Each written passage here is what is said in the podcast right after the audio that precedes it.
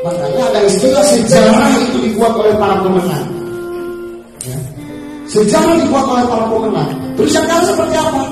Yang kalah pun berhak menuliskan sejarahnya sekalipun dalam kuburnya.